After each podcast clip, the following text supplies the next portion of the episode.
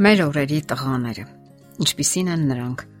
Մեծահասակները միշտ հակված են մտածելու, որ իրենց սերունդը ավելի խելացի էր, ավելի հասուն, ավելի լավը։ Սակայն արդյոք դա այդպես է, թե ուղակի ժամանակն իր ուղղումներն է մտցնում մտածողության, արժեքների եւ ընդհանրապես աշխարհայացքի մեջ։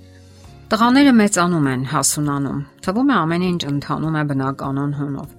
սակայն հանկարծ նրանց մեջ պակասում է երանդը Նրանք թաքնվում են կիբերտարածքներում, չեն շտապում հասունանալ եւ կարծում են, թե ուրիշները պետք է իրենց փոխարեն ամեն ինչ անեն։ Ինչ է տեղի ունենում ժամանակակից տղաների հետ։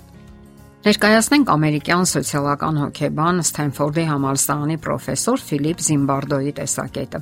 Եվ նշենք, որ մարդկանց սոցիալական վարքագծի վերաբերյալ նրա հետազոտությունները մասնավորապես Սթենֆորդյան էքսպերիմենտները դարձել են համաշխարհային հոգեբանության դասական գործ։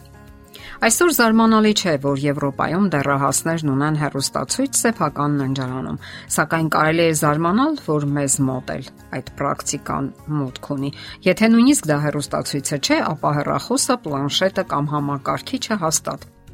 Իսկ ահա մեծահասակները ճունեն Փորձերը ցույց են տվել, որ եթե նույնիսկ հայրերը մոտակայքում են, տղաները շատ քիչ են շփում պահպանում հայրերի հետ։ Յուրաքանչյուր 44 ժամին, որ անց են կասնում տղաները համակարգչի, սմարթֆոնի կամ պլանշետի առջև, հոր հետ հարաբերություններին հասնում է ընդամենը 30 րոպե։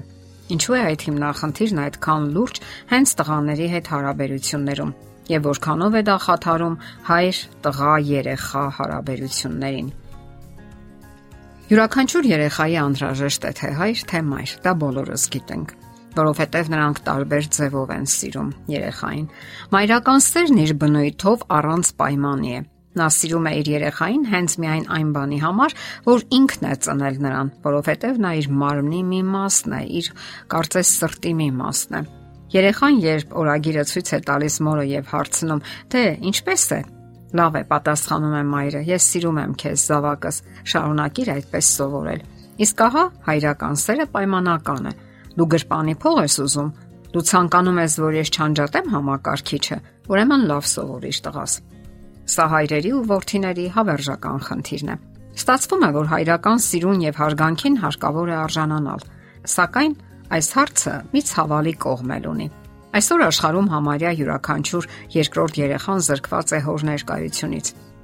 Օրինակ Անգլիայում յուրաքանչյուր երրորդ երեխան մեծանում է առանց հոր։ Յուրաքանչյուր չորրորդ երեխային դաստիարակում է միայն մայրը։ Ահա թե ինչու զարմանալի չէ, որ տղաները մեծանում են առանց այրական հատկանիշների։ Եվ նրանք իսկական տղամարդ չեն դառնում։ Ահա թե ինչու նրանք սուզվում են կիբերտարածքներում եւ որոնում են ճանաչում եւ ընդունում այնտեղ կարծես անվտանգ է։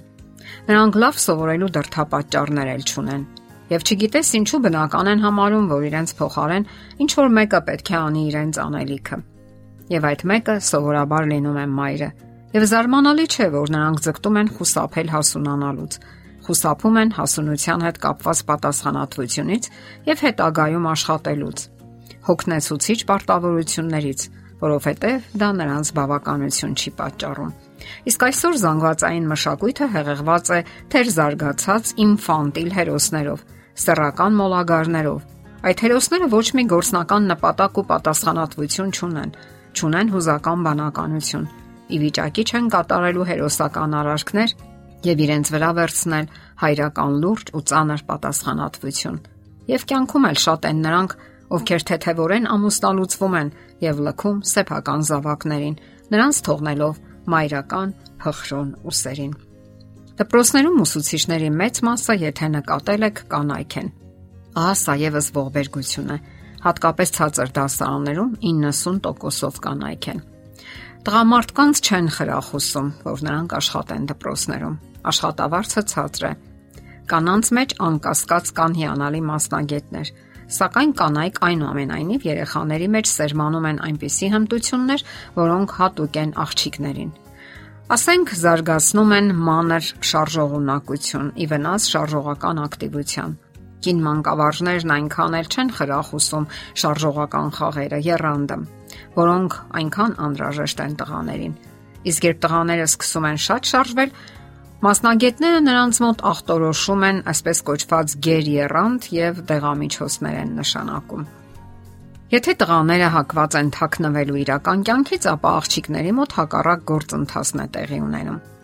Առանց հայր մեծացող աղջիկները ավելի բուրըն թափով են մղվում կենսական տարածքներ։ Նրանք ջանասիրաբար սովորում են, աշխատում են մեծ հաջողությունների հասնել։ Ներկայումս ոչ քիչ աղջիկներ ստեղծում են սեփական բիզնեսը թեկուզ եւ ոչ մեծ եկամուտներով։ Աղջիկները նաեւ զգում են, որ եթե իրենց կողքին տղա չկա, ապա իրենք են հոգալու իրենց կենսական հիմնախնդիրները։ Իսկ ահա տղաներն ավելի հաճախ են կիսատ թողնում ուսումը նման դեպքերում։ Կա նաեւ այն պատճառը, որ աղջիկները ոչ քիչ դեպքերում գնում են ուսումնական հաստատություններ զույգ գտնելու ակնկալիքով։ Իսկ բոլոր դեպքերում հարկավոր է օգնել տղաներին, որpիսի նրանք իրենց տեղը գտնեն կյանքում հասկանան իրենց դիրքն ու առաքելությունն այս աշխարհում։ Իսկ դա ինչպես անել, կխոսենք հաջորդ հաղորդման ընթացքում։ Եթերում է ճանապարհ երկուսով հաղորդաշարը։ Հարցերի եւ առաջարկությունների համար զանգահարել 033 87 87 87 հեռախոսահամարով։